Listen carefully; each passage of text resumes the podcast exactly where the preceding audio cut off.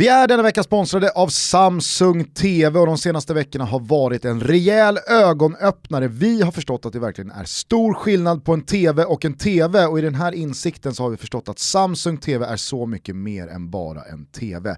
Just det faktum att det verkligen finns en TV för alla personer och behov har varit slående mm. och det är Samsung man väljer när man köper en ny TV. Ja men så är det verkligen och så finns det ju då ett par modeller som vi verkligen gillar, eller hur Gusten? Mm. Vi som eh, kollar på mycket fotboll.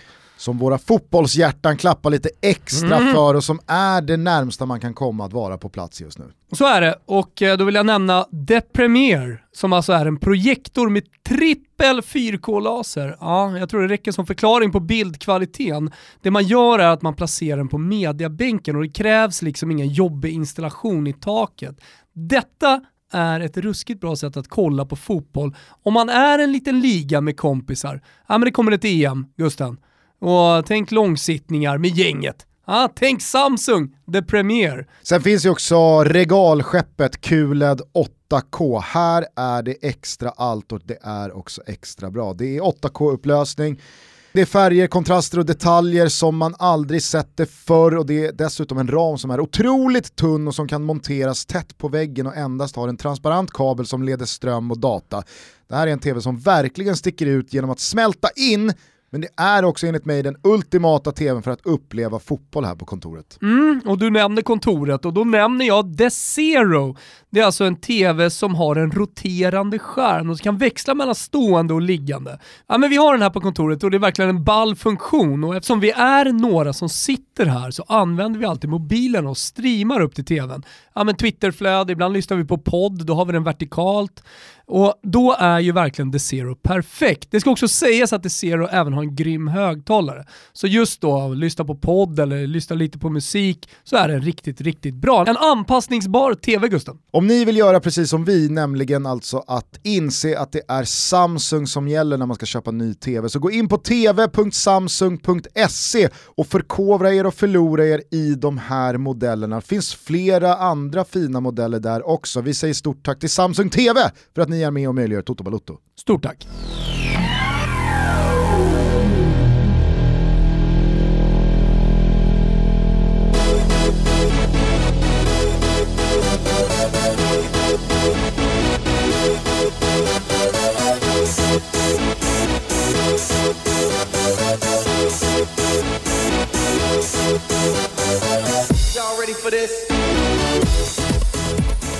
Varmt välkomna ska ni vara till Toto Balotto. Det är måndag den 25 januari. Frank Lampard har precis fått dojan av Chelsea. Utrikeskorrespondent Daniel Larsson fyller 34 år och Alexander Kokorin sitter i ett plan på väg till Florens. Såg du det? Jag såg det. Ja, det är faktiskt helt otroligt. Jag vet inte, ska vi backa bandet där bara? Eh, hur, historien om Alexander Kokorin i Toto. Det är snart sju år sedan vi eh, satt i Expressens eh, tv-studio och eh, fullständigt kärade ner oss i denna ryske badboy-anfallare, då i Dynamo Moskva. Mm. Eh, otrolig på huvudet, var graciös på ett eh, helt nytt sätt kontra liksom ja, men, lilla frejdiga Arshavin och stora tunga Juba. Ja, men det var det nya Ryssland lite grann också, var det inte det? Unga. Eh, han, han, han var ju en golden boy, liksom. en, en som hela Ryssland såg framför sig skulle bli nästa stora världsstjärna. Precis, så deras hemma-VM var bara fyra år bort och här kände man att ja, men Kokorin är en anfallare som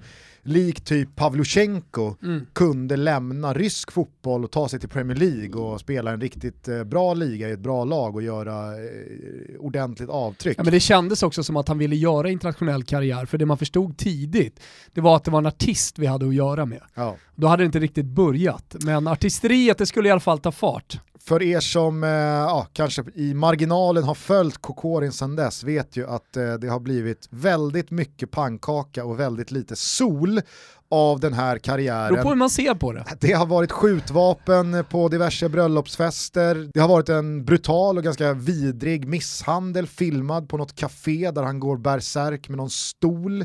Mm. Eh, fängelsedomar, han har åkt... Eh... Han spelar fotboll i fängelset såg jag, så han har ändå suttit. Ja, verkligen. Inte Gulag så... liksom i Sibirien, men ändå. Så har han väl på något sätt försökt få ordning på fotbollskarriären eh, efter att han muckat, men eh, fullt förståeligt så har inte erbjudanden stått som spön i backen, i alla fall några lukrativa och kanske sportsligt kloka, utan han har ju varit ryktenas man, spelat på lite korttidskontrakt och försökt liksom ja, men, eh, bevisa sig på planen för att eh, få till någon slags andra halvlek av karriären här. Ja, men om man ska försöka summera det, då får folk eh, helt enkelt bara ta att jag hårdrar det lite grann, men eh, han har varit väldigt rysk.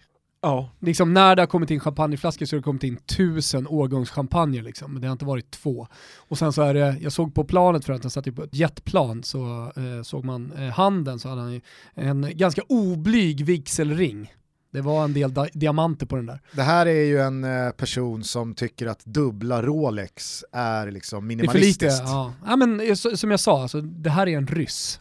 ja, verkligen. En rik ryss enligt konstens alla regler. Exakt, eh, 10, 15, 20 år efter avslutad karriär så misstänker jag att det kommer finnas en del utrotningshotade djur både levande och uppstoppade i Casa Kokorin. Det är bara en känsla jag har.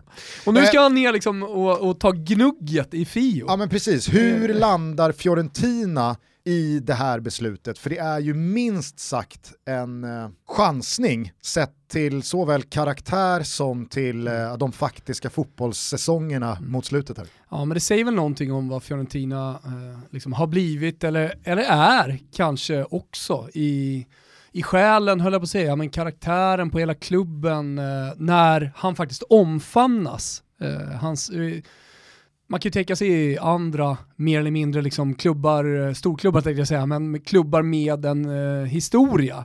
Eh, för det är ändå Fiorentina, även om de inte har radat upp titlar jämt eh, ja, men hade han hamnat i Premier League så var, är det nog många supportrar som hade sparkat bakut och undrat vad fan klubben håller på med, det här vägen att gå och så vidare. Eh, men Fiorentina har en historia av att faktiskt kunna hantera den här typen av struliga gubbar. För att höjden, det är den man är intresserad av här och det är den man tror att man kan hitta. Eh, höjden är ju otrolig, det är en fantastisk fotbollsspelare, men som har eh, då tappat bort sig själv. Men ta Moto till exempel, det var många andra supportrar som tittade på Fiorentina och undrade vad fan ska ni göra med honom? Edmundo, okej, okay, han vann inte det där uh, guldet åt oss, den scudetton åt oss, men han gjorde avtryck, han gjorde mål, han var väldigt bra under väldigt lång tid, eller väldigt lång tid, under lång tid i Fiorentina. Så att, säga, vi, har, vi har hanterat den här typen av spelare och eh, jag tror fan Kokorin kommer lyckas. Jag väljer i alla fall att tro det. Det är så jävla tråkigt att vara neggo. Ligger inte också lite i korten att det är dags för Fiorentina att få fram en riktig kultspelare? Alltså Mario Gomez blev det inte. Men han var ju för snäll, han var ju fel eh, Kevin Prince Boateng typ, liksom, blev fel. det inte. Eh, Ribéry kan man säga väldigt mycket bra om, han har ju gjort ett par fantastiska insatser, inte minst mot några av storlagen. Men sett över tid och om man ska man se... Han är för ointresserad. Exakt, om man ska se till vad han möjligtvis kan komma att uträtta här mm. eh, sista halvåret så tror inte jag att han kommer bli någon Fiorentina-legendar eller ihågkommen som någonting mer än en, nej, nej, en eh, väldigt meriterad spelare som kom dit och gjorde ett par bra matcher. Cajon ser inte heller ut att bli någon episk eh, kultspelare. Om någon nu trodde det. Nej men han kom ju ändå med en jävla fin Serie A-karriär i, i ryggsäcken. Ja, men man måste ju veta var Fiorentina befinner sig någonstans på liksom, sträckan eh, mot, eh, vad vet jag, eh, framgångar. Det är ju precis i inledningen. Ny president för ett och ett halvt år sedan, eh, man bygger en träningsanläggning som ska vara den största och mest moderna i Europa, man kikar på ny arena, så det är ett långsiktigt projekt och man kommer inte göra några stora köp. Alltså man, kommer inte, man kommer inte gå in och, investera i spelare för att snabbt ta sig till toppen utan eh, det är snarare, ja men som ni förstår, vid sidan av planen man kommer göra de stora investeringarna och sen så får man försöka hitta rätt. Eh, det pratas ju dessutom väldigt mycket om att Petraki Eh, väldigt skicklig sportchef ska komma till Fiorentina i sommar och då ersätta Pradé som inte har lyckats. Eh, så att det, ja, det, det, det han, han kommer till Fiorentina där ingen förväntar sig några sportsliga framgångar om man säger för laget. Däremot så kommer det ju säkert komma lite förväntningar på honom. Jag har sett att den officiella shoppen, jag tror att det var den officiella shoppen i alla fall, eh, trycker redan upp eh, tröjor med eh, namnet AK och sen numret 47 då, istället för Kokorin. Ja men det vore ju faktiskt en jävla rolig, Alexander Det vore ju faktiskt en jävligt rolig blinkning om han tar nummer 47. Ja, det blir AK47. det hade varit kul. Men eh, alltså, nu vill jag inte låta för liksom, icy cold här, men den enda spelaren som har blivit legendarisk i Fiorentina senaste 7-8 åren, det är ju Astori. Och det är ju av ja, en Mm. anledning som alla känner till.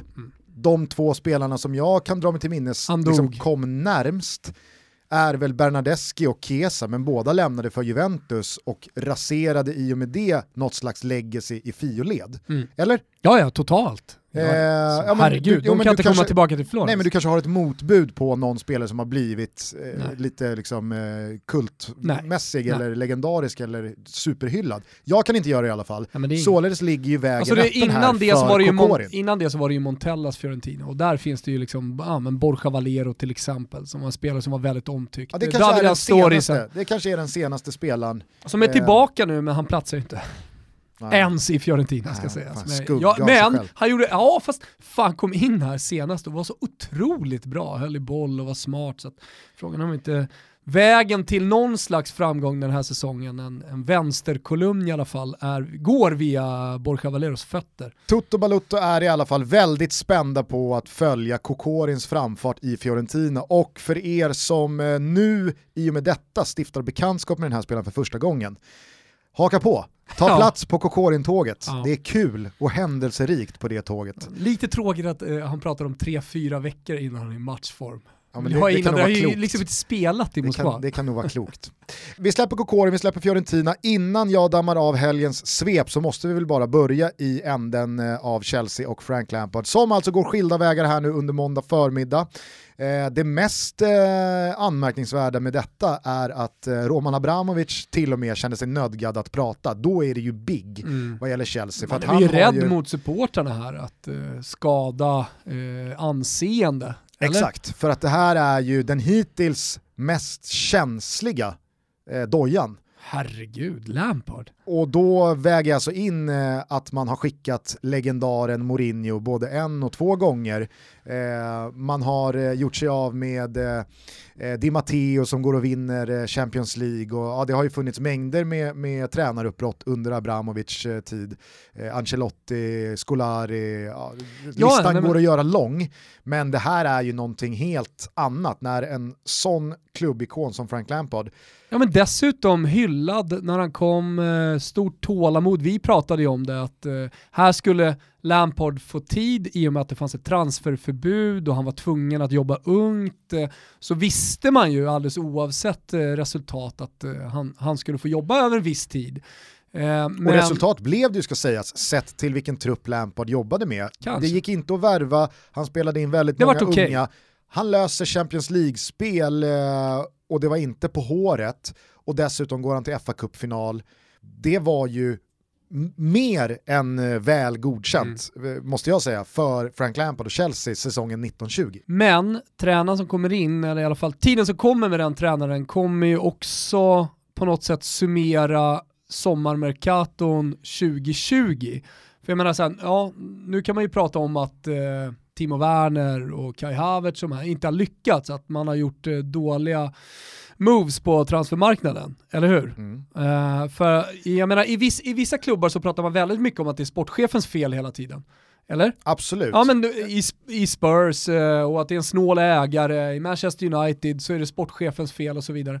Eh, och jag menar, kanske man kan göra i Chelsea-led också, att man har pinpointat fe- fel karaktärer, fel spelartyper. Eh, det har inte varit spelarna som Frank Lampard vill ha. Jag vet inte om det, om det har varit så från supporternas håll, men om eh, Kai Havertz och Timo Werner, vi har ju även eh, Kepa liksom, som fortfarande lever kvar, alltså det är en sportslig ledning som har satsat enorma pengar på spelare som fortfarande inte har lyckats. Så, så, och jag menar, det skulle kunna bli så att det blir ett Lampard-parti som tas här för, från supporternas håll och att det blir rejält, eh, rejäl körning ska jag säga mot eh, eh den sportsliga ledningen. Som ju har hyllats, eller hur? Absolut. Jag menar Granovska har ju lyfts fram som den kanske mest underskattade i branschen. Går inte att säga nu va?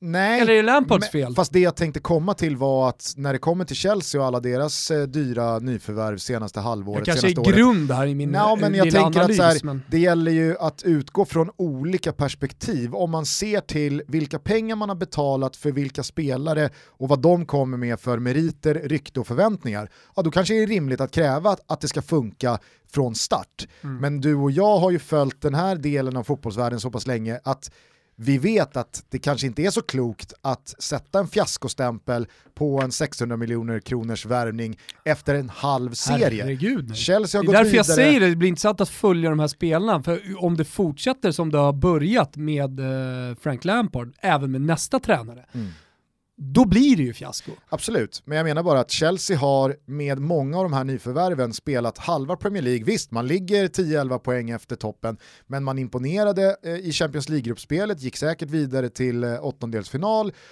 och det är ungefär så långt man har kommit med Timo Werner, med eh, Kai Havertz, med Thiago Silva, med Hakim Ziyech och Ben Chilwell och Mendy i mål och så vidare.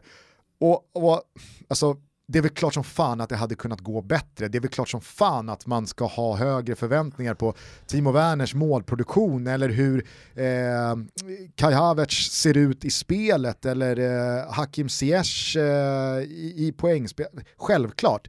Men jag tycker ju hur man än vrider och vänder på det, att det har gått för kort tid för att slå fast att allting har gått åt helvete och Lampard har kört i diket som en megaflopp. Jag, jag vill försöka vara lite konsekvent. Eh, folk som lyssnar på den här podcasten vet också att eh, jag brukar säga att det tar tid att anpassa sig till en ny liga. Man måste, måste låta det ta tid. Så den tiden vill jag ge Timo Werner och Kai Havertz och eh, C.S. Och, och alla de andra spelarna som har kommit. För det är svårt att helt plötsligt anlända till en ny liga. Det kan ta tid och det har vi, det har vi sett exempel på betydligt större spelare som har kommit med betydligt högre förväntningar på sig än de här. Men en säsong i början på nästa, ja men då måste det börja funka. Och det måste bli någonting mer, för just nu är det fiasko på Timo Werner. Du, du, Ja, ja, ja. Det, det är en sak om du inte gör 20-25 mål, det är ingen som kanske förväntar sig. Men kom igen, dubbla, du, med den speltiden trots allt. Det är ju dessutom så att hur man än, eh, liksom. hur man än eh, attackerar det här så när man värvar så stora spelare för så mycket pengar som Chelsea gjorde i somras, ja men då kan man inte hävda bara att det ska få ta tid, då kan man inte brasklappa allt för mycket. Det kommer med vissa krav på att det måste funka per omgående också. Så är det ju bara. För de som inte har tabellen uppdaterad framför sig så ligger alltså Chelsea nia just nu. Timo Werner, han eh, gjorde 21 mål i Leipzig eh, när han kom dit som 20-åring. Sen efter det har han gjort 13-16 och så då förra säsongen 28 mål.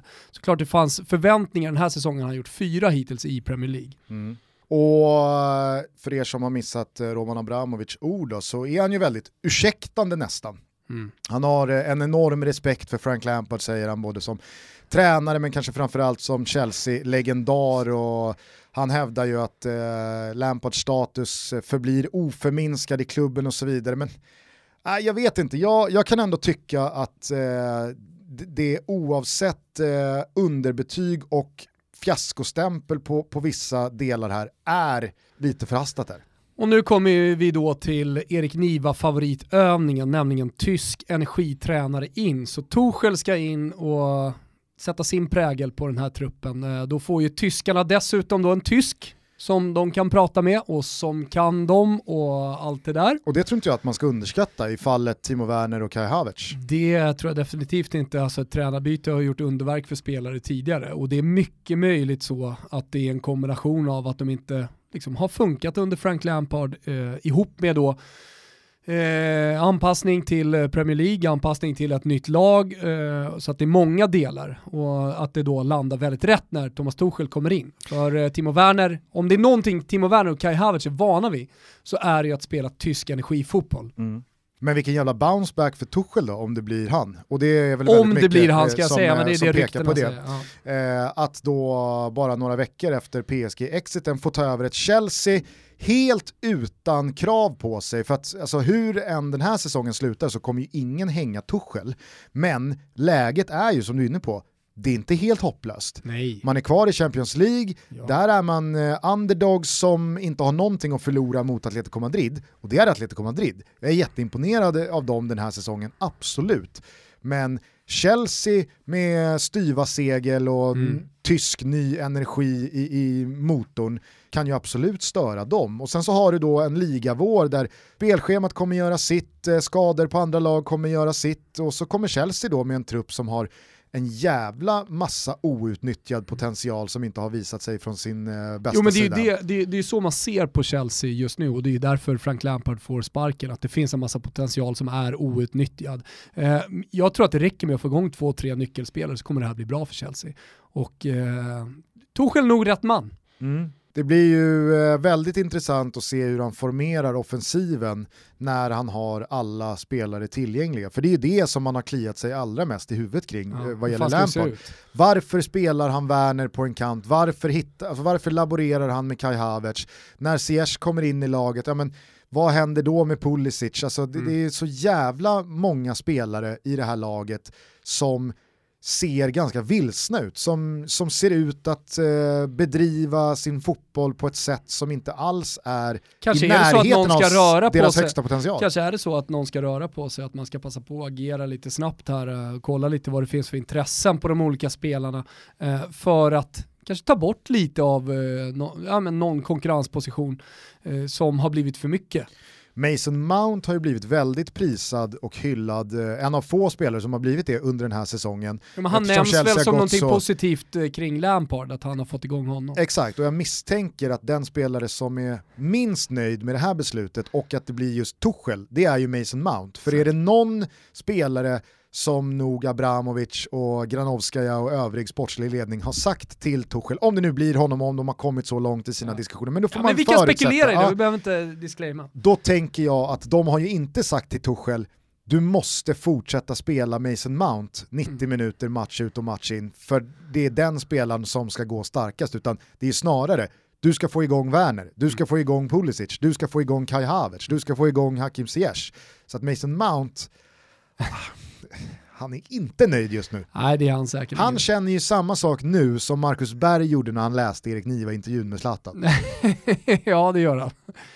Alltså konkurrensen är stenhård där. Sen så ska ju Kai Havertz in och spela på sin naturliga position och det, kommer ju det, det är det första Torshäll kommer göra. Ja, och då Kai Havertz som det, slags nog, jävla då är det nog. Mason Mount som kommer få flytta på sig. Mm.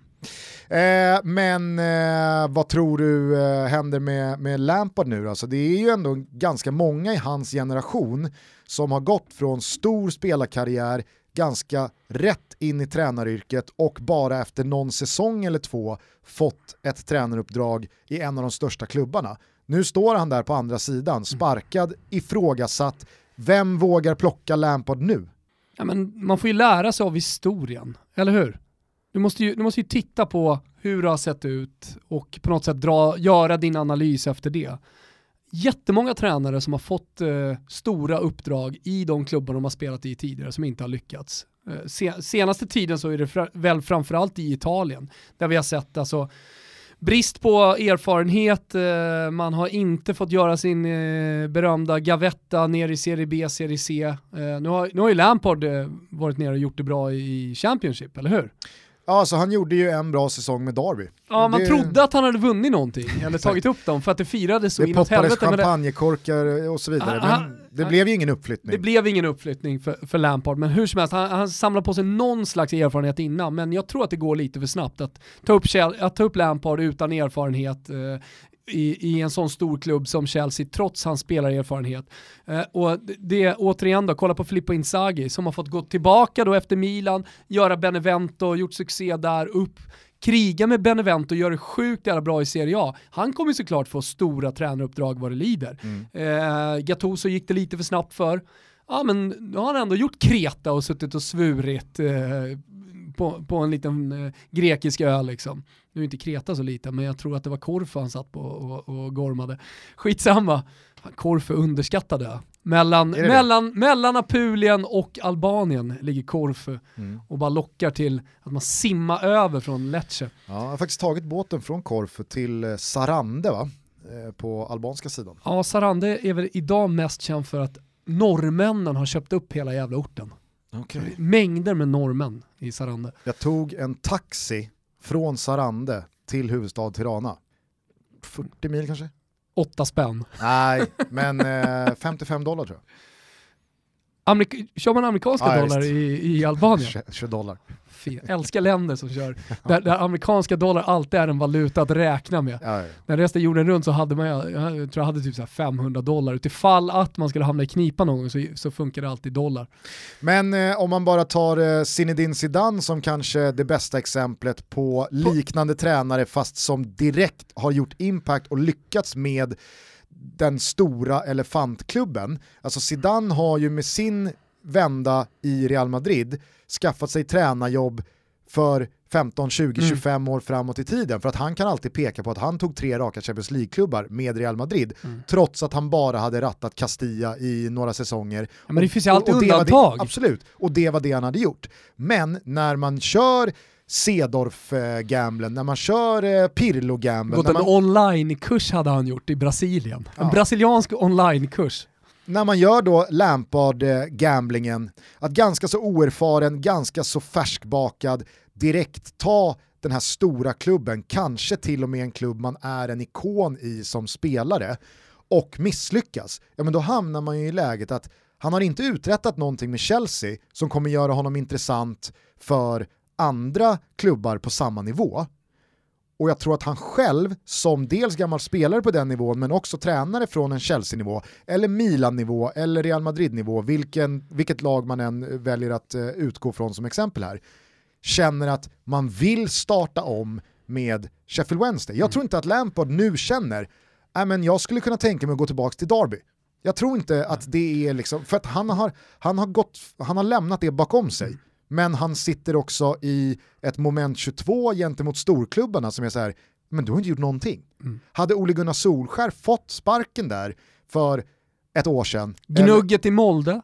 Ja, men då tror jag att Ole Gunnar hade känt samma sak. Ska jag tillbaka till Molde nu eller? Ja, Nej, det vet inte fan om jag ska. Nej. Men ett steg tillbaka. Men PSG hade inte ringt. Nej. Dortmund hade inte ringt. Många tänker säkert på Diego Simeone nu, ja men vadå, han har ju bara gjort Atletico Madrid. Nej för fan, han har gjort massa år innan. Vart i Racing, Studiantes, River Plate, visserligen stora klubbar, San Lorenzo, men eh, landa, ville till eh, Europa eh, och testade på Catania, gjorde det bra i Catania jag tror han hade i alla fall någon slags poängrekord och Mihailovic tog det. Slogs poängrekord hela tiden där. Eh, och sen då Atletico Madrid. Så det, det, var ändå innan han kom dit en 5-6 år av eh, tränarskap och, och gnugg liksom från hans sida. Och kollar man på egentligen alla stora tränare, alla stora tränare i stora klubbar idag kommer ju från eh, ja, men, mindre klubbar, man har verkligen gjort gnugget. Det här får mig att känna att Xavi nog har koll på vad han gör. Ja, det är jag helt säker på. Jag tror att han gör nog klokast i att efter Qatar ta ett helt annat lag än Barcelona och göra någonting med den klubben. Om det är så i Spanien eller om det är någon annanstans i Europa, det låter jag vara osagt, men han behöver en framgång i en annan klubb än Barcelona mm. innan han tar Barcelona. Mm. För skulle Xavi komma i samband med att Messi ska fasas ut och det är eh, så rörigt som det är, ekonomin har inte varit sämre för Barcelona på hela 2000-talet och så vidare och så vidare. Att då dikesköra som den levande legendar Xavi är i Barca, ja men då kan han sitta i samma buss som Lampard, Cedorf, mm. eh, Alan Shearer. Eh, ja, alltså, kolla på Steven Gerrard, vad gör han nu? Han gör Ganska ju det han ska Rangers nu, i Rangers. Mm. Exakt, en klubb som har haft det tufft ekonomiskt, en klubb som ska tillbaka till eh, att kriga med Celtic om ligatitlarna. Jag såg att de vann och derby här relativt nyligen va? Och jag tror att Gerard vet att... Shit vad dålig koll man har på skotska ligan nu för tiden. Alltså, I slutet på 90-talet hade man koll på allt. Typ Hearts liksom, spelarna i Hearts, bara för att Henke lirade Daniel Andersson gjorde en säsong som målvakt i Hibernian. Oh. Eh, nej men jag tror att eh, Steven Gerrard såklart, alltså hans heliga graal är ju att komma tillbaka till Anfield, Men jag tror att han är medveten om att det är inte jag som ska efterträda Jürgen Klopp. Nej. För det är inte Nej. rätt move med de insatserna Steven Gerrard kommer. Om Gerrard nu kanske de har vunnit någonting på slutet här, eh, Rangers, men om han tar tillbaka Rangers dit de var förut, att hela tiden slåss om eh, titlar, kanske vinna då en titel och, och gå lite långt i en europeisk, i, i en europeisk cup, ja men då jävlar. Mm. Då börjar det hända grejer, men då ska han kanske inte ta steget direkt till Liverpool, utan landa in någonstans mittemellan där. Exakt. Ja, men alltså, jag kan tänka mig att... Eh, Southampton typ. Ja, West Ham. Mm. Skulle vara så här, Steven Gerrard gör Premier League med West Ham med tanke på eh, ägarna som är nu och, och den kaos som varit internt i klubben. Ja, det kanske inte kommer med några jättekrav. Han kan den där ligan, han får bevisa sig i en klubb som inte ska landa en Europaplats, annars är det fiasko. Men John Terry till exempel, är han är han mer intressant än eh, Frank Lampard som tränare? Han är ju ass bakom Dean Smith i Aston Villa. Och vill inte vara något annat än ass? Ja, ja, det vill han säkert, men jag tror att han nog är så pass smart, i synnerhet nu när han har sett hur det gick för Frank, att jag ska nog stå på mina egna ben ett par sessioner innan jag återvänder till Stamford Bridge. Eller så känner han bara att han inte är den liksom, typen att vara huvudtränare. Nej, jag vet inte, kanske. Men eh, jag, jag, tycker att eh, berättelsen om Frank Lampard som tränare, det är en sedelärande historia. Och det blir som sagt eh, spännande, kanske inte på det här liksom, roliga, pirriga sättet, utan spännande, lite så här klump i magen spännande att se vad som händer med Frank Lampard nu. För jag ja. tror att han känner nog en dag som det här, vad fan händer nu? Ja, han kommer nog få tränaruppdrag eh, och ganska bra tränaruppdrag i och med att ja, men Jag är inte så säker på det. Han är inte Pochettino, han är inte Allegri, Nej, han är inte Thomas men alltså Tuchel jag pratar Premier League även om okay, det är nu fick jag sparken, nu Ett får vi se vad som händer. Ett lag som går upp från uh, Championship till exempel. Och så sparkar de tränaren i åttonde omgången för det inte funkar. Det är klart att Ram Lampard är ett intressant namn. Han hamnar på waiting list och han hamnar inte långt ner på den waiting listen i alla fall. Nej. Nej, vi får väl se. För den typen av klubbar. Och så får vi som sagt se om det blir Thomas Tuchel då, då, som tar över Chelsea, men väldigt mycket verkar tala för det. Vad händer med Allegri? När, när, ska, han, när ska han Ja men nu var det ju snack om att han skulle in i, i Roma. Och sen var det snack, tidigare var det snack om att han skulle in i Juventus, men nu är Juventus börjat gå bra. Och nu har de ju knaprat in nu när både Milan och Inter tappade poäng i helgen. Pirlo går ju potentiellt exakt samma väg till möte som Lampard. Ja. Alltså skulle Juve åka i åttondelen eller kvartsfinalen av Champions League och komma trea, mm. visst, det finns en ung och hungrig och lovande kärna spelare i Juventus som Pirlo har jobbat med hela den här säsongen och som säkert kommer kunna excellera under honom framöver. Men med de resultaten så är jag helt övertygad om att Juventus inte kommer ta ett till mellanår utan de behöver gå all in i sådana fall säsongen 21-22 mm vad händer då med Andrea Pirlo? Nu har eh, Paratici och Nedved bråkat och ja, men, alltså, det är inte harmoni i Juventus och när det inte är harmoni i en klubb, i en sportslig ledning, ja men då är inte speciellt långt till besluten heller och man vill visa kanske att man har makt och, och sånt där. Eh, det är inte helt ovanligt i Italien. Jag säger att det är favorit på att Pirlo inte käkar Panettone 2021. Nej, och då är det ju inte så att Pirlo är aktuell för att liksom, ta över Arsenal. Nej. Om Arteta går lite sämre, där har du ju en till spelare som, ja, numera tränare, mm. som har lite samma insats. När, när Arteta hängde löst där i höstas, eh, nära Lucia, och, och, det var verkligen liksom ett Arsenal som snarare höll på att dras in i bottenstriden än någonting annat. Hade han fått gå där, mm.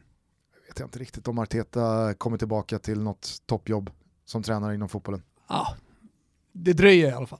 Och sen kanske det blir en annan liga.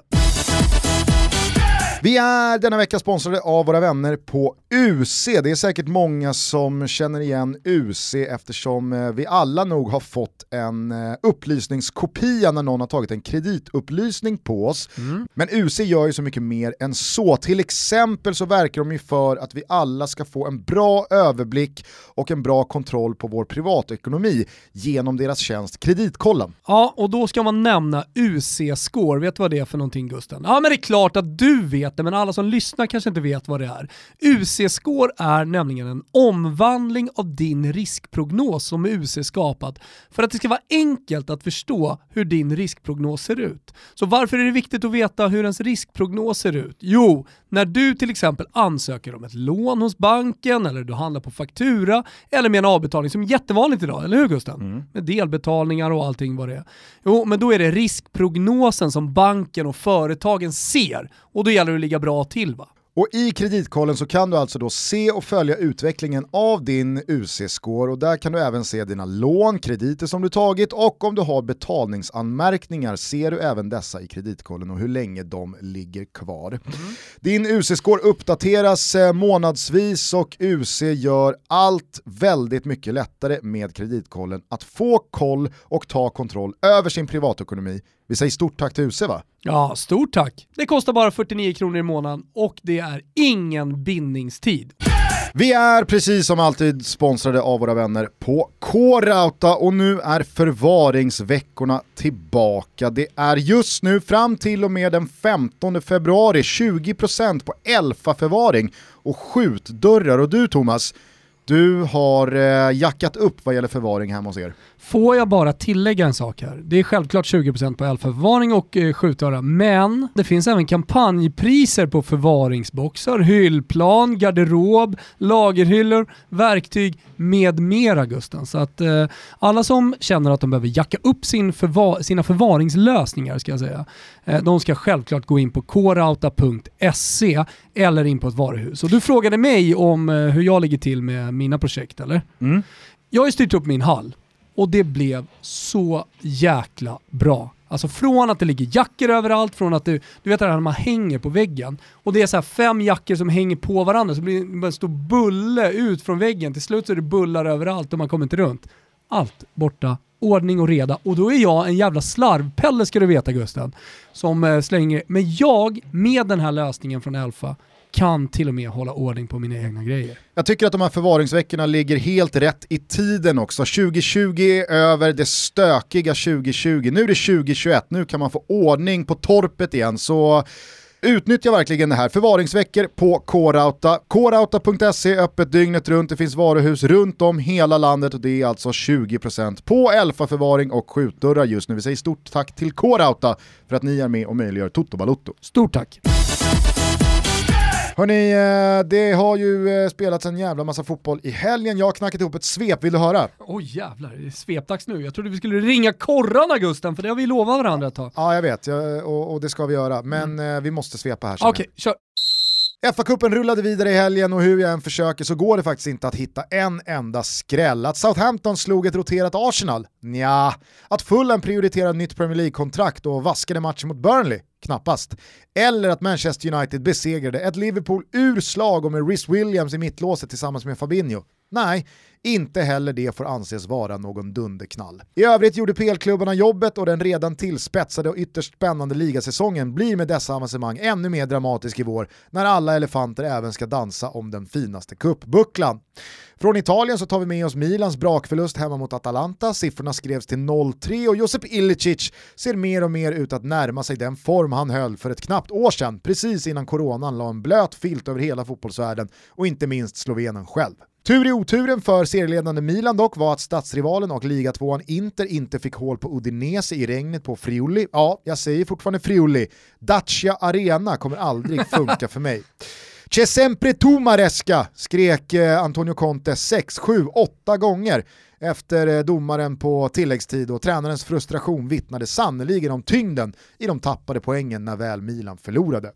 Omgångens stora vinnare blev således Juventus som enkelt och planenligt besegrade Bologna hemma i Turin. Med en hängmatch, den mot Napoli, parkerar nu eh, de regerande mästarna sju poäng bakom Zlatan och kompani och visst fan räknade vi aldrig bort den gamla damen trots 10 poängs avstånd för en vecka sedan. Napoli förlorade både klart och tungt borta mot Hellas. Huvudstadslagen kunde till slut vinna sina respektive matcher mot Sassuolo och Spezia och Paolo Fonseca kan fortsätta stämpla in på Trigoria ett tag till. Men herregud, TV-puckshög efter 4-3 hemma mot Spezia. Mycket ska man vara med om. Parma har efter 19 omgångar gjort 14 mål och den klassiska italienska övningen med att ta tillbaka en redan skickad tränare i form av Daversa till eh, tränarposten har inte inneburit mer än en pinne på tre omgångar och laget ser ut att få rikta in sig på bottenstrid hela säsongen lång. Även Cagliari med spelare som Nainggolan, Simeone, Joao Pedro, Godin, Cranio, Pavoletti, Rog, Cepitelli och dessutom Diffra bakom ratten ligger nu på nedflyttningsplats. Hur? Jag frågar dig hur, Thomas. Ah, ja. Vi tar oss till La Liga där suveräna serieledarna Atletico Madrid blev aningen störda av Valencia i den första halvleken, men när allt var över och klart hade man återigen övertygat och födelsedagsbarnet Luis Suarez fick eh, runda av kvällen med ett riktigt världsklassavslut och upp i skytteliga topp. Således tillbaka till sju poängs försprång på regerande mästarna Real Madrid, dessutom med en match mindre spelad. Visst fan stinker det ligatitel om de rödvita. Karim Benzema fortsätter hur som helst att spela sitt livs fotboll, men kanske ännu viktigare för marängerna i segern mot Alaves var att Eden Hazard visade lite gryende form. Men äldst av de gamla stötarna denna helg var ändå Real Betis levande legendar Joaquin som med 1 plus 1 sista 10 grusade Real Sociedads planer på en efterlängtad ligaseger med Alexander Isak som stor organisatör efter 1 plus 1 även på honom.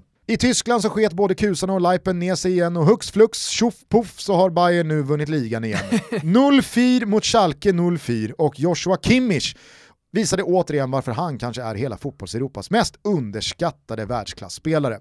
Nytt mål för Frankfurt comebackande Luka Jovic och ny förlust för Dortmund trots nya Haaland-påsar. Mm, det var tysken. Avslutningsvis noterar vi att Tino Tenda Kadewere fortsätter göra de halvsvaga säsongerna i Djurgården allt mer overkliga. Två nya mål i Lyons megakross av antagonisterna saint Etienne och nu hakar Lyon verkligen på PSG i toppen och Kadewere i toppen av skytteligan. Det går sannoliken fort i hockey. Fort i hockey och fort i handbollen. Mm. Ja, nu är det kvartsfinal Gusten. Det är bara att spänna fast sig för detta unga härliga handbollslandslag som för tankarna tillbaka till Erik Hajas tider. Har du tänkt på hur mörkt det är i hallen? Ja, det har jag fan gjort. Det är, liksom, det är ganska tunga skuggor Ja. runt, plan, äh, runt spelarna på planen. Eh, skitsamma, det är handbolls-VM det vi pratar om. Eh, nu ska vi inte prata mer om det. Är det någonting i svepet du eh, fastnar för? Vilken smäll ändå för Milan. 0-3 hemma mot Atalanta i det här läget. Mm. Jag ska inte säga att man har gått och väntat på det, men det har gått väldigt bra för Milan. Även om man inte har totalt dominerat matcherna. Sen att man ska åka på 0-3 hemma, eh, Eh, det är alldeles oavsett vilka man möter kan man inte eh, förutse, men, men eh, alltså vilken, på tal om att liksom ta folk till skolbänken, Gasperini mot eh, Pioli där, alltså han, ja, jag, tycker att, jag tycker att han totalt slaktar Pioli i den här matchen. Sen finns det någonting i inställningen, eh, tycker jag, hos Milan-spelarna i den här matchen också, där de inte riktigt är med. Trots att Zlatan är närvarande, trots alla de ledarna, trots momentumet man har, så går man ut, och man kan inte göra det mot eh, Atalanta och spela med, ja men till 95% kanske. Det, ja, men det, var, det var nog lite jobbigt, alltså, rejält stukat självförtroende. Sen kanske det kan fungera som någon slags väckarklocka eller vad vet jag, en slags påminnelse om att man inte är oslagbara och att eh, den här ligatiteln inte kommer komma enkelt utan det handlar om att kriga varje match. Det här har man upprepat i Milan-land hela tiden. Men eh, ibland kan den här typen av väckarklockor faktiskt också vara bra. Eh, jag, jag, tycker, på tal om favoriter och så vidare, jag tycker att det är favorit på det i just Milan, för det finns många ledare. Och eh, man, man, man har trots allt eh, spelat en ganska stabil fotboll med, med alltså rent eh, defensivt, eh, och, och ganska fröjdig fotboll offensivt också. Plus att man har värvat eh, Mario Mandzukic, kom in i den här matchen. Zlatan har väl redan sagt att han ska in i, i startelvan direkt eller uppgifterna från Italien säger i alla fall att Zlatan kräver att Mandzukic spelar från start. Så då blir det väl så då. Så blir det. Ja, jo. Det, eh, det har också beskrivits som eh, Europas elakaste anfallsduo. Känns det inte lite eh, precis som Mason Mount inte jublade när eh, Lampard sparkades, att eh, Jens Petter Hauge inte jublade Nej. direkt när Mandzukic eh, kritade på. På tal om att vara elak så har du liksom en, snäll eh, norsk bondkatt ute till vänster nu och sen så får du eh, en mördare från eh, Kroatien. En norsk innebandyspelare Och en, seriemördare från Kroatien. mot en seriemördare från Kroatien. Det är klart att man väljer att hålla Mandzukic i handen när det ska börja tävlas om titlar då. Men tänk dig själv om du är försvarare så ställs det mot Mandzukic och Zlatan Ibrahimovic. Mm. Alltså det är, Ja. Men eh, alltså, du har ju ganska tidigt den här säsongen eh, menat på att det kommer stå mellan de randiga lagen. Nu är det ju trots allt bara nio poäng mellan Milan i serieledning och Lazio på sjunde platsen. Mm. Och däremellan så finns alltså Napoli och Atalanta och Roma. Mm. Eh, med tanke på hur ändå mycket det svänger och hur öppet det är. Alltså Inter har förlorat eller tappat poäng tre gånger bara i januari. Juventus har stått för ganska bleka insatser och Ronaldo ser ju faktiskt eh, inte alls ut som han har gjort tidigare. Han är lite svacka just nu.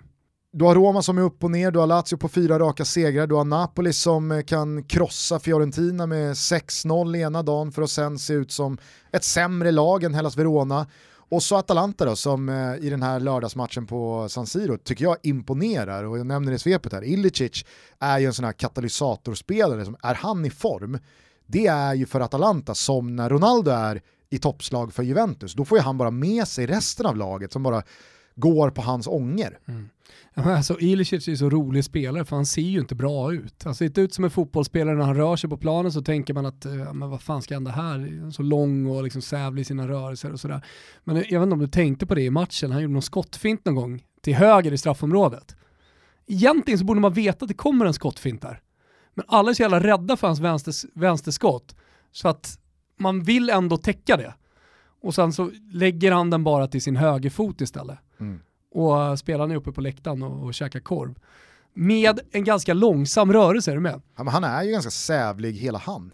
Ja, nej, men, Som du är inne på. Ja, nej, men exakt, och kommer direkt från de slovenska skogarna, han har gått och funderat eh, över livet och man visste ju faktiskt inte i somras när man läste intervjuerna, man såg vad eh, de olika ledarna i Atalanta liksom sa om honom, om han skulle komma tillbaka överhuvudtaget. Kanske var det slut med fotboll för, för Ilicic, för att han var deprimerad. Madonina-derby här imorgon i Coppa Italia-kvartsfinalen, Inter mot Milan. Hur tror du man prioriterar den med tanke på hur tight toppstriden är i Serie A? Lite som uh, Manchester United och uh, Liverpool. Men uh, Antonio Conte har ju faktiskt redan varit ute och varit tydlig med att man inte prioriterar koppan. Utan mm. att det är ligan som gäller. Och jag menar, Alltså, får Zlatan bestämma, så, och det, det, gör han ju, så, så blir det ju inte all in mot Inter den här matchen, trots att det är derby. Men det är inga, inga folk på läktarna, det bidrar såklart till eh, kanske mindre hets då kring matchen och sen eh, att, att Lia, fan har chans att vinna scudetto här nu, men fan bryr sig om en fucking Coppa Italia. Det är de... Gör de, inte Zlatan det ändå då? Nej, alltså så här, jag tror jag att tror han, här, han vill den vinna, typen av campioni vill vinna allt. Exakt, han ja. vill vinna Coppa Italia Absolut. mer än vad Ronaldo vill vinna Coppa Italia. När matchen väl vad... börjar så de spelarna på planen kommer ge allt och där tror jag i slutändan Eh, dels laguttagningarna och eh, jag menar Mandzukic måste ju liksom komma in och få speltid så alltså han kommer ju lira och Zlatan kanske är sugen också. Han kanske, han kanske behöver komma in i en period där han spelar ganska mycket för att det är bra för honom att göra det efter skadan. Han har precis liksom kommit igång, behöver springa och sådär. Så det är möjligt att han får, får en hel del speltid. Jag har inte kollat tidningarna men, men eh, jag tycker ändå att det på något sätt är lite favorit på, eh, eller motivationsfavorit på Milan i alla fall inför den här matchen. Och det är också för att Conte helt öppet går ut och säger att man, man inte prioriterar. Jag tror Hoppa. att Zlatan också tänker i termer av outs för sitt legacy i Milan. Alltså han vet att åker man ur eh, Coppa Italia nu i kvartsfinal, då behövs det nästan en ligatitel för att det ska vara Ja, men det ska vara, så, ja, att det ska vara så grandiost och mäktigt eh, om tio år att han kom tillbaka till Milan. Jag tror att han däremot vet att hej, vinner vi Coppa Italia och vi löser Champions League, det kanske inte smäller lika högt som en scudetto. Det gör det såklart inte, men du fattar vad jag menar. Jag tror han bara tänker jag... dubben. Visserligen. Jag tror han bara tänker, ja, här är jag möjlighet att vinna i alla fall två titlar samma år. Det, det kommer vara jävligt tungt. Jag tror inte han tänker eh, tröstpriset, Champions League och Coppa Italia. Sen ska det fan sägas att Coppa Italia betyder extremt mycket för de italienska klubbarna. Jag vet att jag har poängterat det tidigare, men, men det, det, det, det är en titel som är tung. Ja, men och det är det jag menar. Jag tror att Zlatan ändå vet i bakhuvudet att okej, okay, om det nu inte blir någon ligatitel, det är inte kattpiss att säga att han bar tillbaks Milan till Champions League och vann kuppen. Han tänker bara dubben. Eh, du nämner ju matchen här, Manchester United-Liverpool, det var ju den stora fighten i fa Cup-omgången över helgen. 3-2 United, eh, Bruno Fernandes hoppar in och avgör. Det jag dock reagerade mest på efter det här, det var ju de som menade på att Jürgen Klopp i någon slags eh, protestaktion gentemot John Henry och FSG eh, spelade Rhys Williams i, i mittlåset för att visa att jag måste få en mittback innan fönstret stänger för annars kommer den här säsongen gå helt åt helvete. Mm. Ja, men det kan mycket väl vara en signal som man vill sända. Man har ju van Dijk eh, långtidsskadad, jag räknar inte med honom eh, en enda match eh, den här säsongen. Joe Gomez borta väldigt länge också, Joel Matip har ju varit eh, småskadad mest hela tiden, men nu mot slutet så, så är det ju eh, skador som verkar hålla honom borta från spel ett tag till också. Det har ju varit allt från Fabinho till Jordan Henderson i det där mittlåset också och jag, jag, alltså, jag vet inte, jag, jag har svårt att tro att Klopp hade spelat Rhys Williams eh, från start igår mot värsta antagonisten Manchester United i FA-cupen ifall man hade lett ligan med fyra poäng och det hade varit två timmar kvar av transferfönstret. En favoritövning för mig i januarifönstret, eh, om man bara kollar på storklubbarna, är ju att ta in en erfaren spelare som man har glömt bort lite grann. Som har den här höjden som man, som man vet man kan liksom hitta till, kanske inte samma fysik som innan. Så Diego Godin-typen, där har du ju, liksom, är du skicklig sportchef eh, i, i, en stor klubb som, som Liverpool, då, då plockar du Godin från Cagliari nu.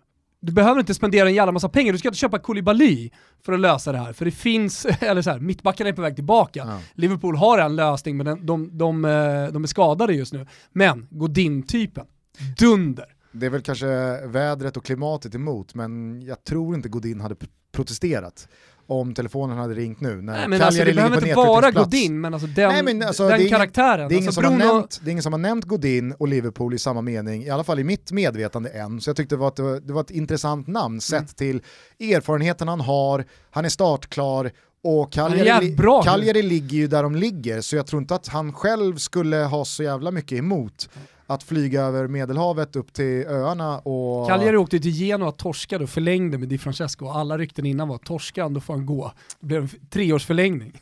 Ja. Fint också. Ja, det, det, det, tycker jag är, är värt att lyfta. Men, ja. men nej, jag tror att uh, jag, jag, jag viftar absolut inte bort de som menar på att det var en signal från Klopp, för att deras januari okej, okay, det, det, det, det, kanske inte kommer som en chock att ett mästarlag som har sprungit så bra som Liverpool och man har haft det hemmafacitet man har haft och varenda värvning har suttit som handen i handsken, att det skulle komma en svacka, en backlash. Men den här januari månaden, den kunde ju ingen förutse. Jag, jag märker att du gillade Diego Godin. Ja, ja. Här. Jag tyckte det var, ja men alltså, Upamecano eller Koulibaly, det är ju inga januarivärvningar. Nej. Det, alltså, och det är ingen som kommer släppa Na den typen av spelare inte Koulibaly nu. Eh, Leipzig släpper ju inte Upamecano nu. Alltså, däremot så är ju Diego Godin en, ja, men, han är ju som klippt och skuren för att gå in här nu och bara vara en erfaren Champions League-finalspelande mittback tills van Dijk är tillbaks. Nej men exakt, eh, men, men så, så här, återigen, det finns möjligheter. Är en skicklig sportchef så finns det möjligheter att lösa det här. Och du nämnde att Klopp eventuellt skickar en signal till till ledningen. Eh, det, det, tror jag definitivt han gjorde. Och eh, fan, agera, det är en halv säsong kvar att spela. Eller hur? Vi är återigen sponsrade av våra vänner på The First Impression Company och framförallt Presso Club. På presso.club så kan man numera lägga vantarna på La Piccola och det här är en espressomaskin som inte är av denna värld. Man kan ha sett dig redan på våran Insta Thomas ja. demonstrera hur man får en riktigt, riktigt fin espresso. Ja, när du säger att det inte är av denna värld så kanske man tänker att det är något utomjordiskt, eh, något väldigt teknologiskt, men det handlar alltså om italienskt hantverk. Vi snackar om Made in Italy. Vi snackar om kafferosteriet som basas av Gianluca Venturelli. Kafferosteriet heter Lo Café. Tillsammans med Press och Punktklubb så har de tagit fram La Piccola. Och det är verkligen italienskt hantverk när det är som bäst. Jag lovar alla ni som kommer köpa den, ni kommer inte att ångra er. Och just nu så erbjuder Press och Punktklubb 20% rabatt fram till och med sista mars 2021 med rabattkoden TOTO.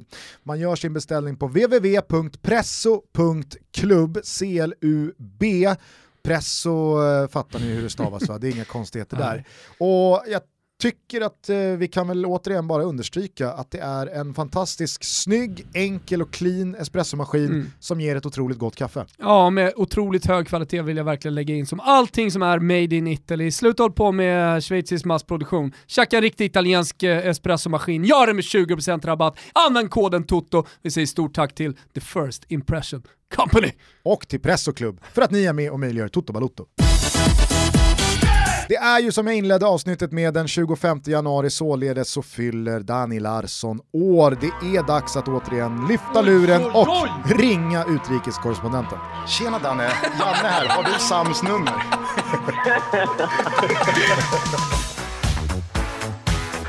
Daniel Larsson dunkar in 2-0.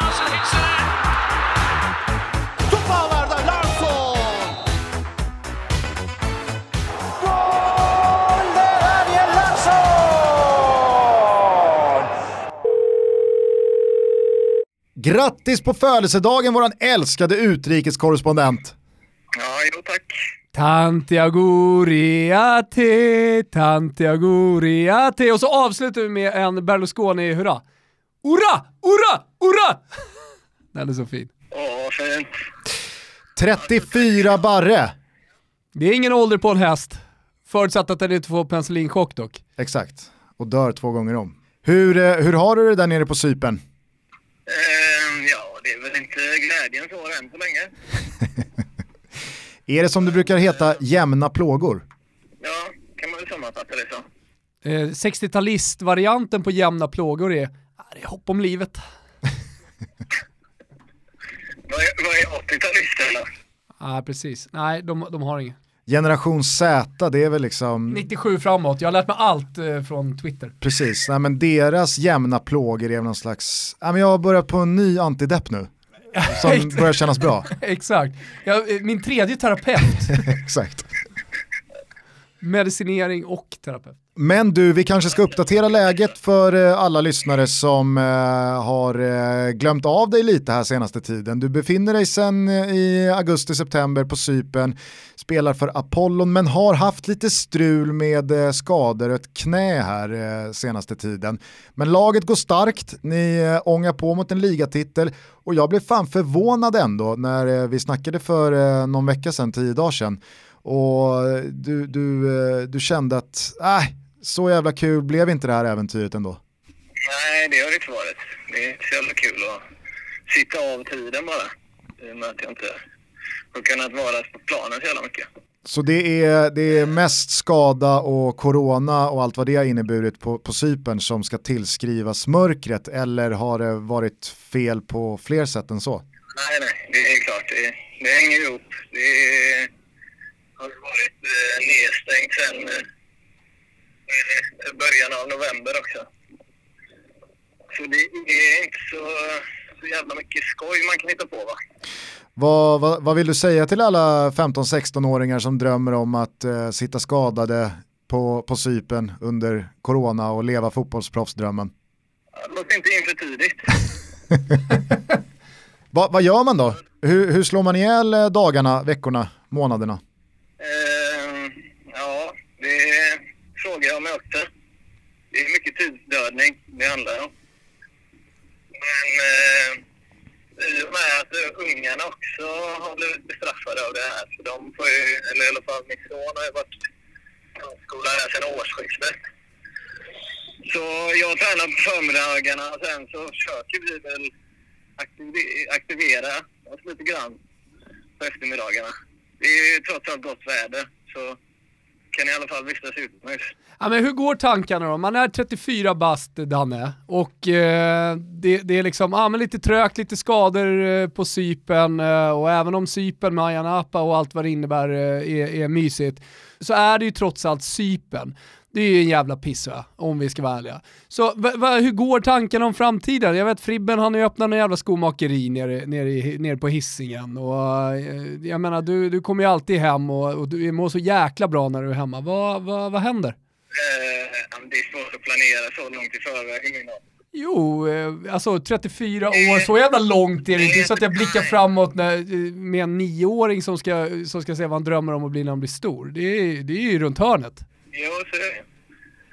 Eh, men framtiden ligger väl öppen. Underbart. Helt och hållet vill jag påstå. Kommer inte vara kvar på den här ön så länge till i alla fall. Det, det är väl spikat. Kan det rent av börja röra på sig här i slutet av januarifönstret? Eller är planen att det blir Cypern våren ut? Ja, det blir det. Det är en ganska kort vår också. Eh, ska vi vara färdigspelat här i början av april typ. Ja men då så. Hur högt eh, skulle du eh, hålla en, eh, en ligatitel då? För att även fast du har varit ute länge och även fast du har firat stora framgångar här hemma i Sverige så har ju inte det blivit några ligatitlar utomlands. Du har en kupptitel med Akisar. Men i, i, supercuptitel är att förglömma. och en supercuptitel, ej att förglömma. Nej men det är, väl, det är väl det man alltid brukar säga som eh, fotbollsspelare i, mot slutet av karriären, att det är titlarna som räknas och det är när man sitter i gungstolen och ska berätta för barnbarnen vad man faktiskt har uträttat på planen, det är då man börjar känna att, ja vad fan en ligatitel är en ligatitel. Eh, jo, det kan man väl skryta om om man har massa ligatitlar. Men eh, jag vet inte, det är svårt för mig och just nu i alla fall brinna så hårt för detta eftersom jag inte har bidragit. Då, då är inte jag så jävla bra på att lura mig själv tills, eh, till att det ska bli jättekul liksom. Och hur realistiskt är det att du kommer tillbaka här då inom en snar framtid och är med på planen?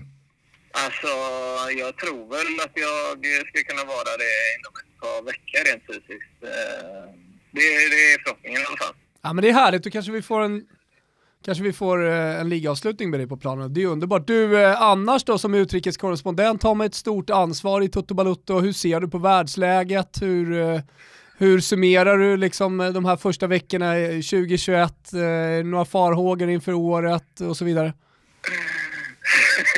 Det är en rätt så bred fråga. Ja, den är stor och bred. Men ja, det är ju tråkigt med OS. Tråkigt med OS, vadå då?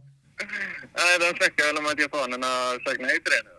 Samtidigt så eh, hörde jag någon eh, höjdare i IOK där, någon nyzeeländare eller någonting som fullständigt körde över japanerna och sa nej, nej, nej, nej, nej, elden kommer tändas 23 juli, punkt. Ja, ja, okej. Ja, nej men eh, vad fan, man kan väl eh, stötta Navalny här och eh, oja sig över presidentskiftet i USA. Det finns många puckar att dra i som utrikeskorrespondent. Det jag däremot är lite nyfiken kring och sugen på att reda ut, det är ju var, var karriären går vidare någonstans. Vi hade ju en liten mini-beef med BB-podd här eh, sensommaren när eh, de eh, väldigt tydligt menade på att Blåvitt minsann hade tackat nej till Daniel Larsson, gått på Kouakou istället. Eh, sen så dök det upp eh, några märkliga öjsrykten. För 10, 12, 14 dagar sedan så blev jag kontaktad från olika journalisthåll som menade på att eh, Daniel Larsson minsann eh, ryktades ganska så rejält till Stockholm och då började man tänka, jaha, AIK, finns det verkligen pengar där? Eh, Bayern har plockat in Selmani och, och Djurgården har gått på lite andra spår. Eh, men sen, döm av min förvåning, så började det till och med snackas Akropolis i den svängen. Då känner jag bara, nej, men nu är det något skämt. Marpans så- gamla klubb. så kom Helsingborg upp igen, det var ju snack om det i somras också. Vad, vad, vad, vad säger du till alla som eh, menar på att Daniel Larsson spelar eh, allsvenskt eh, i sommar? Ja, men vi kan börja i den änden som är BB-poddarna. Men alltså BB-podd, ja, det är Gusten. Jag vet inte, jag har inte pratat med dem. Nej, jag förstår att du inte har pratat med dem, men de påstod ju att Blåvitt har tackat nej. Ja, ja, det, det är möjligt att de har gjort, men jag har inte heller tackat ja. Så jag vet inte riktigt vad man landar i där då. Det är någon slags omvänt chicken race, ett inverterat chicken race. Jag har inte haft någon, något erbjudande att ta ställning till från dem. Så då kan man väl säga att de har tackat nej då, men det är liksom inte något som jag har över... Alltså jag har inte haft någonting att överväga. Det är som när, det, det är som när eh, liksom, klassens eh, åttonde snyggaste kille säger att äh, men jag vill inte ens vara tillsammans med den snyggaste tjejen. Ja, precis.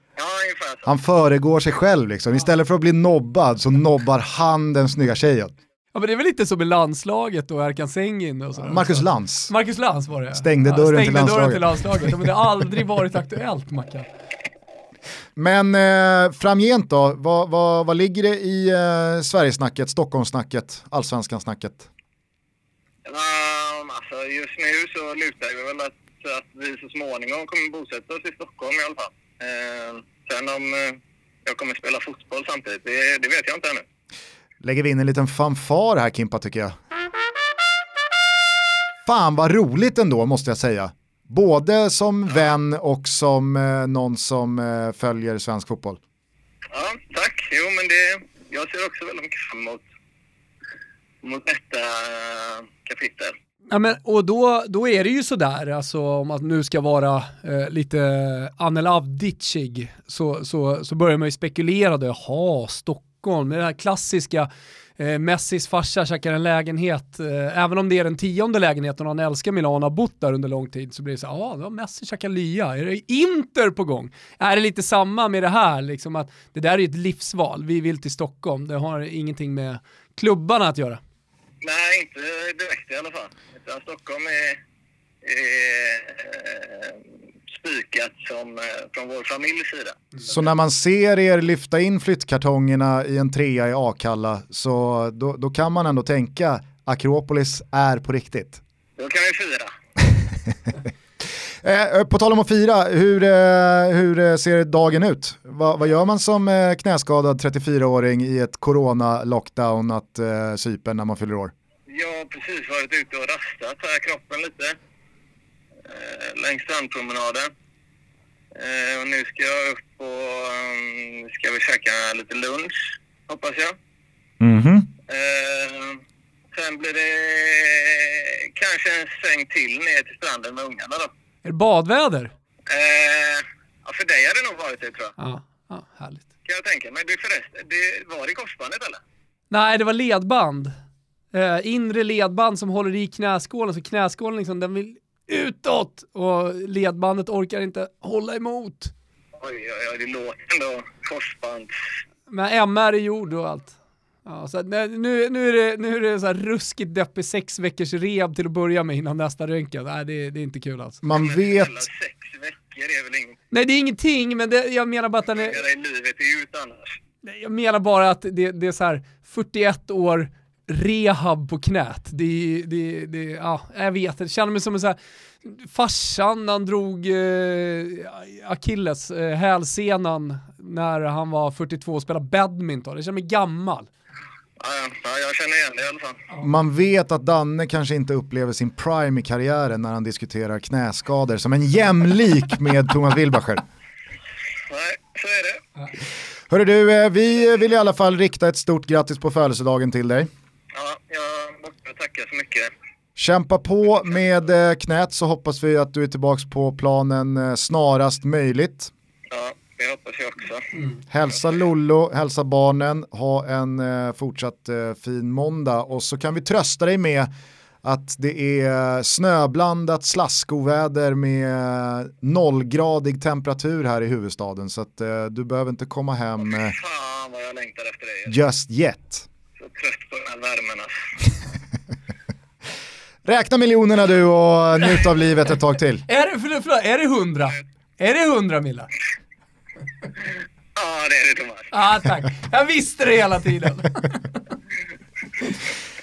Hur många miljoner tror du att Iacquen- eh, Iacquinta har på eh, kontot? Eh, Sju år i Juve. ja, han har ju hundra i alla fall. Ja, du ser. Jag tror jag är nära på Han 150. har kanske en hög burn rate i och för sig, är känslan. Otroligt hög burn rate. Jo, men den å andra sidan går ju på en Dranget-kontot och det är inte momsredovisat. Nej. nej, det, nej, men det, då är det lugnt. Då är han fortfarande uppe. Sen ska vi inte börja prata momsredovisning med Danne, utan vi lägger på här nu önskar en Kanske ru- inte med ruskigt... dig heller va? Nej, nej, verkligen inte. Och så önskar vi en ruskigt härlig födelsedag. Eh, tar en eh, liten fylla också, det är du värd Danne. Det kan det nog bli. Snyggt. Hörru, eh, vi hörs då. Det gör vi. Ciao.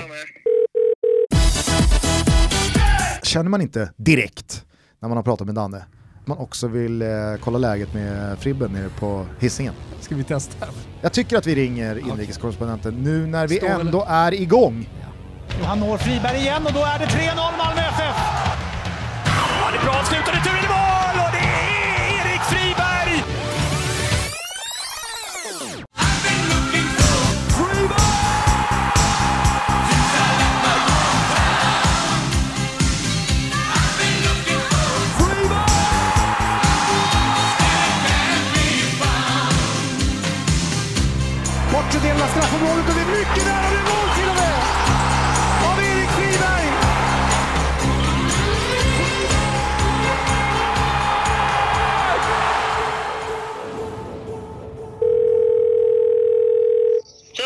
Hallå där!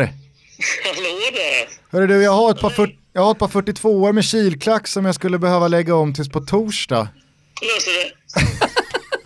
det är ingen billig historia. Nej, det räknar jag inte med. Är det lärk i klacken eller vad jobbar man? Nej, men det är, skickar du ner dem då eller hur gör vi? Jag trodde ni kom, jag trodde ni kommer hämta det. Jag pratar med henne med en gång. Ja, ja det är fint. Hur, eh, hur mår vår älskade inrikeskorre? Jo, tuff morgon här med lite huvudvärk och grejer så jag har varit inne och gjort det här coronatestet. Det är ju inget roligt alltså. Är det eh, stickorna i näsan och sådär eller? Ja, precis så. Ja, jag kan, tänk, jag kan tänka mig att du har svårt för sånt. Tycker det är lite obehagligt. Hur, hur var annars den här, uh, för, för det ska vi säga, ni har ju spelat er första match för säsongen, jag misstänker att det var väldigt eh, roligt och härligt och, och sådär. Ni torskade ju dock 3-0 mot eh, Elfsborg. och Ja, hur var coronasäkringen där under den träningsmatchen? det var inomhushall också. Ja, det var dessutom inomhus ja. ja. Så det får man ju inte spela egentligen. Jävla inramning alltså. Vilken, eh, vilken bortskämd tillvaro ni ändå bedriver där nere. Var det i Serneke eller? Nej, nej, det var uppe i Borås. Jaha, okej. Men det är nya tag, vi ska upp möta Norrby där nu på fredag. Kryssmans Norrby alltså. Så det är revansch. Är det här eh, den eh, brantaste försäsongsuppförsbacke du ställts inför? Ja, förra året var jobbigt. Absolut, men då var det ju ändå en försäsong, alltså den här tiden i fjol så visste ju ingen vad som sen väntade. Sen så blev ju våren extremt konstig och inga matcher hela mars, april, maj, eh, in i juni och så vidare. Men eh, alltså, nu vet ni väl ändå att det är lång tid kvar och när det väl kommer igång matcher så är det, det, det är utan publik och det är en eh, väldigt osäker säsong som, som står för dörren.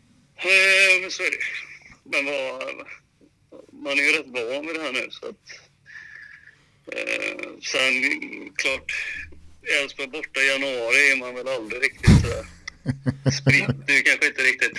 Men jag, jag kan tänka mig liksom att, att det skulle kunna vara lite tvärtom också. Jag menar, det är skomakeriet, eh, sen så är det eh, den enda eh, som man behöver tänka på. Den enda hemsidan om det är så att man är sugen på en bäddsoffa som man behöver ha i huvudet, nämligen bara bäddsoffor.se. Där finns soffan Wilbur José också, eller hur? Den är kvar?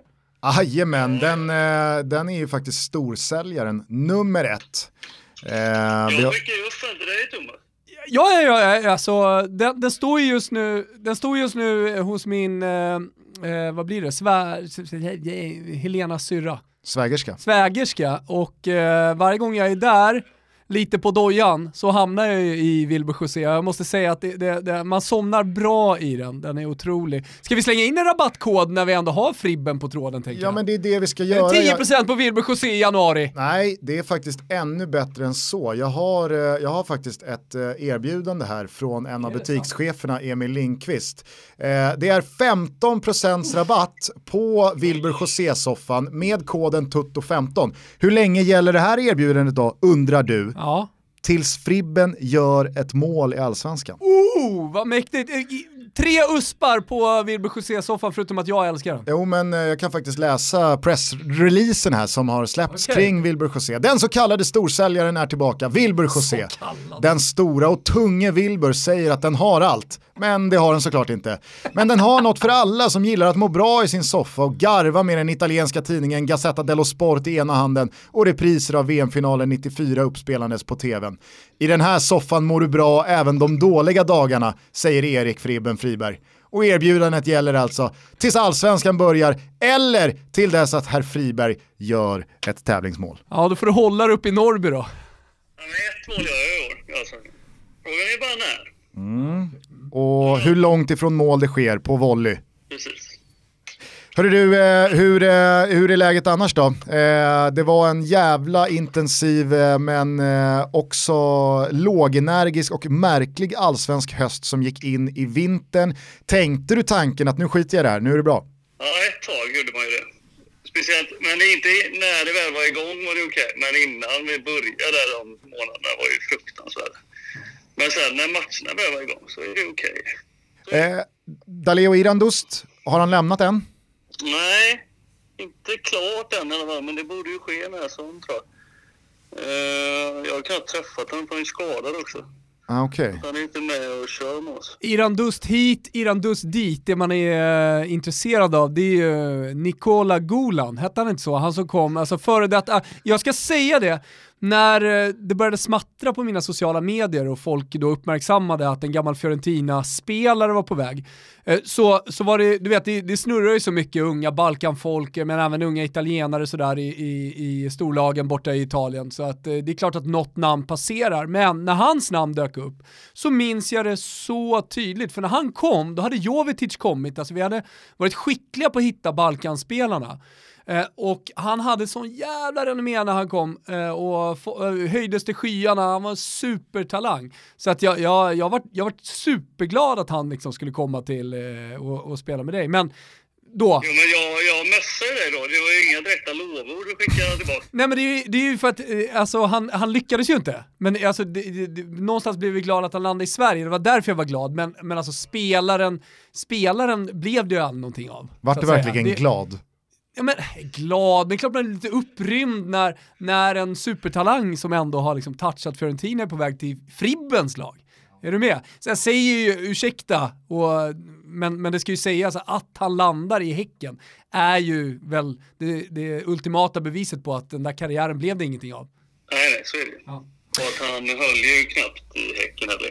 Ja, det var så alltså. Nej, men han var okej, så men han var väl eh, åldersmässigt passade väl lite in och det var lite sådär halvtrögt. Men eh, verkar vara en jävla bra kille. Men du, om det skulle nu bli så att ni tappar eh, Iran Dust och jag har sett att Yassin redan har lämnat, nu kanske inte han var någon eh, absolut eh, key-spelare i fjol som eh, är ett jättekvalitetstapp, men tycker du att eh, man har fog för att som jag känna att eh, ni kanske går in eh, med en lite svagare trupp i 2021 än vad ni gjorde 2020? Ja, men säg att om Dallas skulle lämna så är, kommer vi värva in spelare.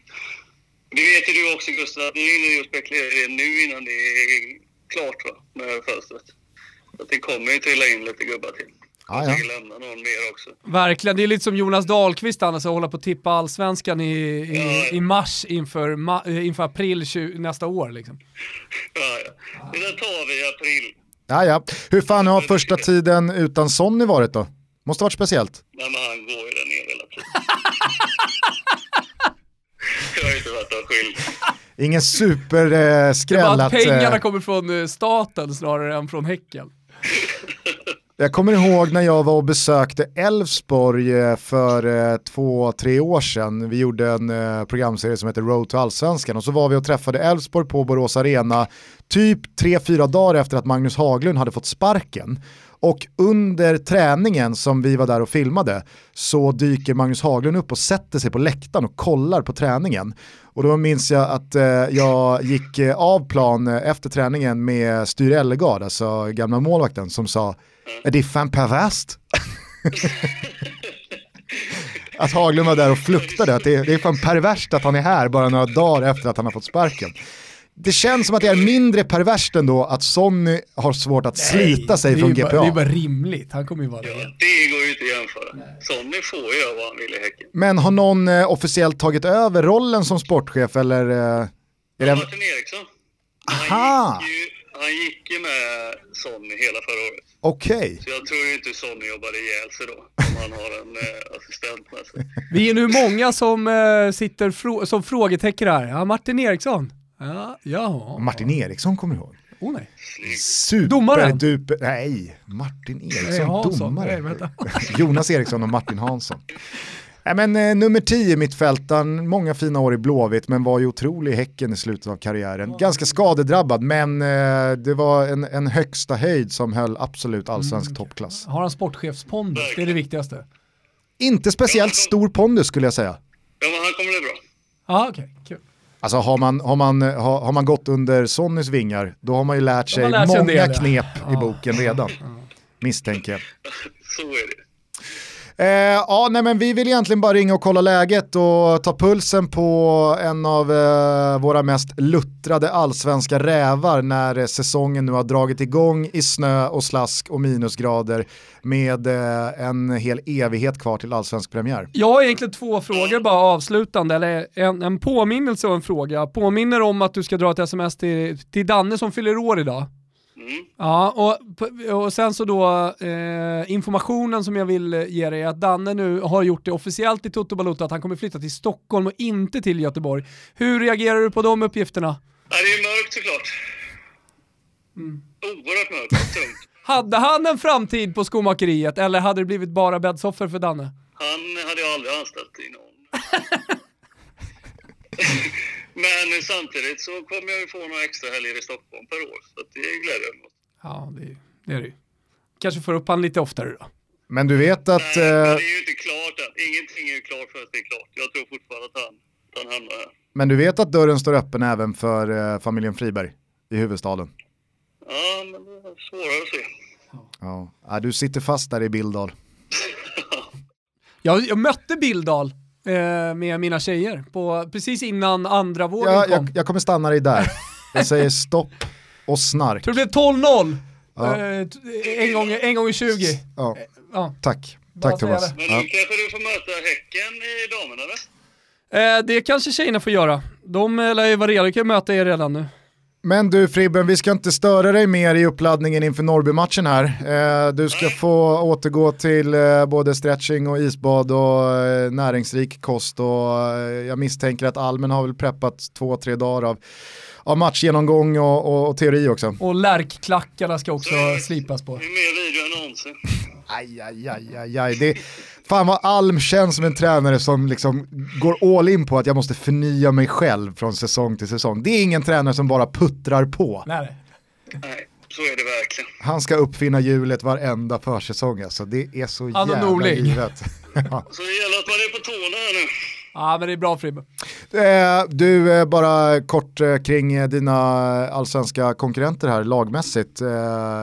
Alltså IFK Göteborg plockar in Håkan Mild och börjar föra sig med en eh, ganska så rejäl svansföring här nu i 031-området. Är 2021 säsongen då Blåvitt eh, kravlar sig tillbaka upp på stadstronen eller vad tror du? Jag tror, all, jag tror alltid att de är med där uppe.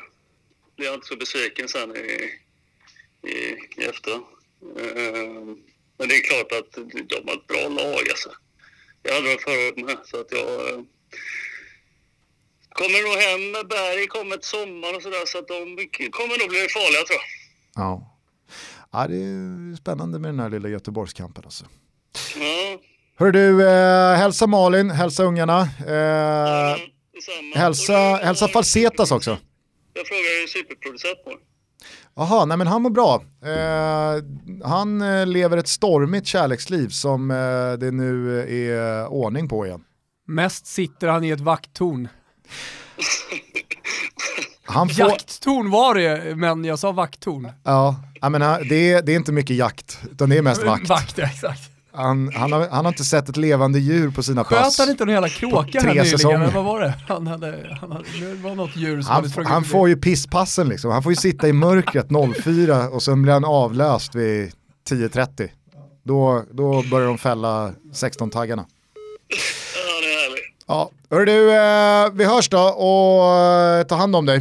Ja, detsamma. Ha det bra Fribben. Morsning, korsning. Ciao. Innan vi stänger ner eh, dagens avsnitt så måste vi ju glädjas åt att vi satte Toto-trippen här i helgen. Det var lite darr på manschetten på Olympico när Lazio hamnar i underläge där mot Sassuolo. Men i övrigt så var det eh, fan med en klockren trippel. Aj.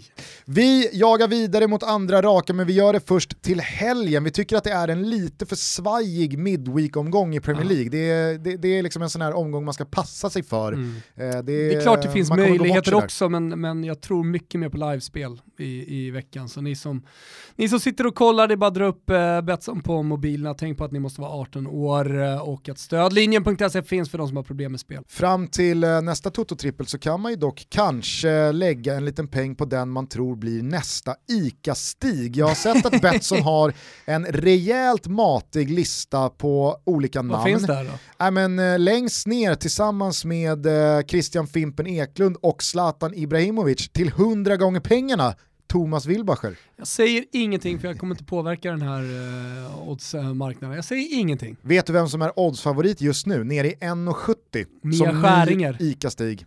Nej. Måns Zelmerlöw. Trött. Ring mig istället Ica. eh, strax där bakom, två gånger pengarna, Björn Kjellman, 2,50, Susanne Reuter. Ja, hon har ju börjat göra Fångarna på fortet och liksom... Sen har du Johan Reborg och Tony Släppte Irving. all värdighet som skådespelare, det är det jag söker va? Johan Reborg och Tony Irving finns på 4 respektive 4,50. Här har det aldrig funnits någon värdighet så det är bara ringa. Ja, det blir spännande. Eh, de här oddsen hittar ni via Betssons eh, Twitter om ni vill lägga en liten peng på vem som alltså blir nästa ICA-Stig. Men ny Toto-trippel alltså först till helgen. Eh, vi påminner också om allt kul och vackert och fint det går att se i Simors kanaler. Mm. Ni vet ju att eh, jag programleder Fotbollssöndag Europa i slutet av varje helg. Va? Nej! Man ser Gör alla du? matcher från La Liga och Serie A på det och vem behöver egentligen mer anledning än vad man har fått i den här episoden att följa Serie A den här våren? Ja, det behövs inte. Och i La Liga så är det ju Atletico Madrid show. Mm. Vi följer Lampard, eh, vi följer Tuchel eh, med eh, stort intresse kommande vecka. Ska Lampard uttala sig? Vad kommer han säga? Och vad säger Tuchel när kommer in? Är det Kai Havertz show som väntar nu närmast? Tänk också att man parallellt med detta faktiskt kan vara lite småintresserad av Norrby-Häcken Ja. i en träningsmatch. Otroligt. Och jobba, är det Apollon Limassol han spelar i? Nej. Nicosia. Det är Apollon. Det är Apollon. Apollon. Ja, Apollon. Sitta och jobba dem till en ligatitel. Ja. Mm. Hörni, eh, tack för att ni lyssnar. Vi hörs eh, igen om några dagar. Ta hand om varandra och eh, ja, sprid Toto Valutos gospel kanske. Gör det. Vi älskar er. Ciao tutti! Ciao tutti. Do you know what's worth fighting for when it's not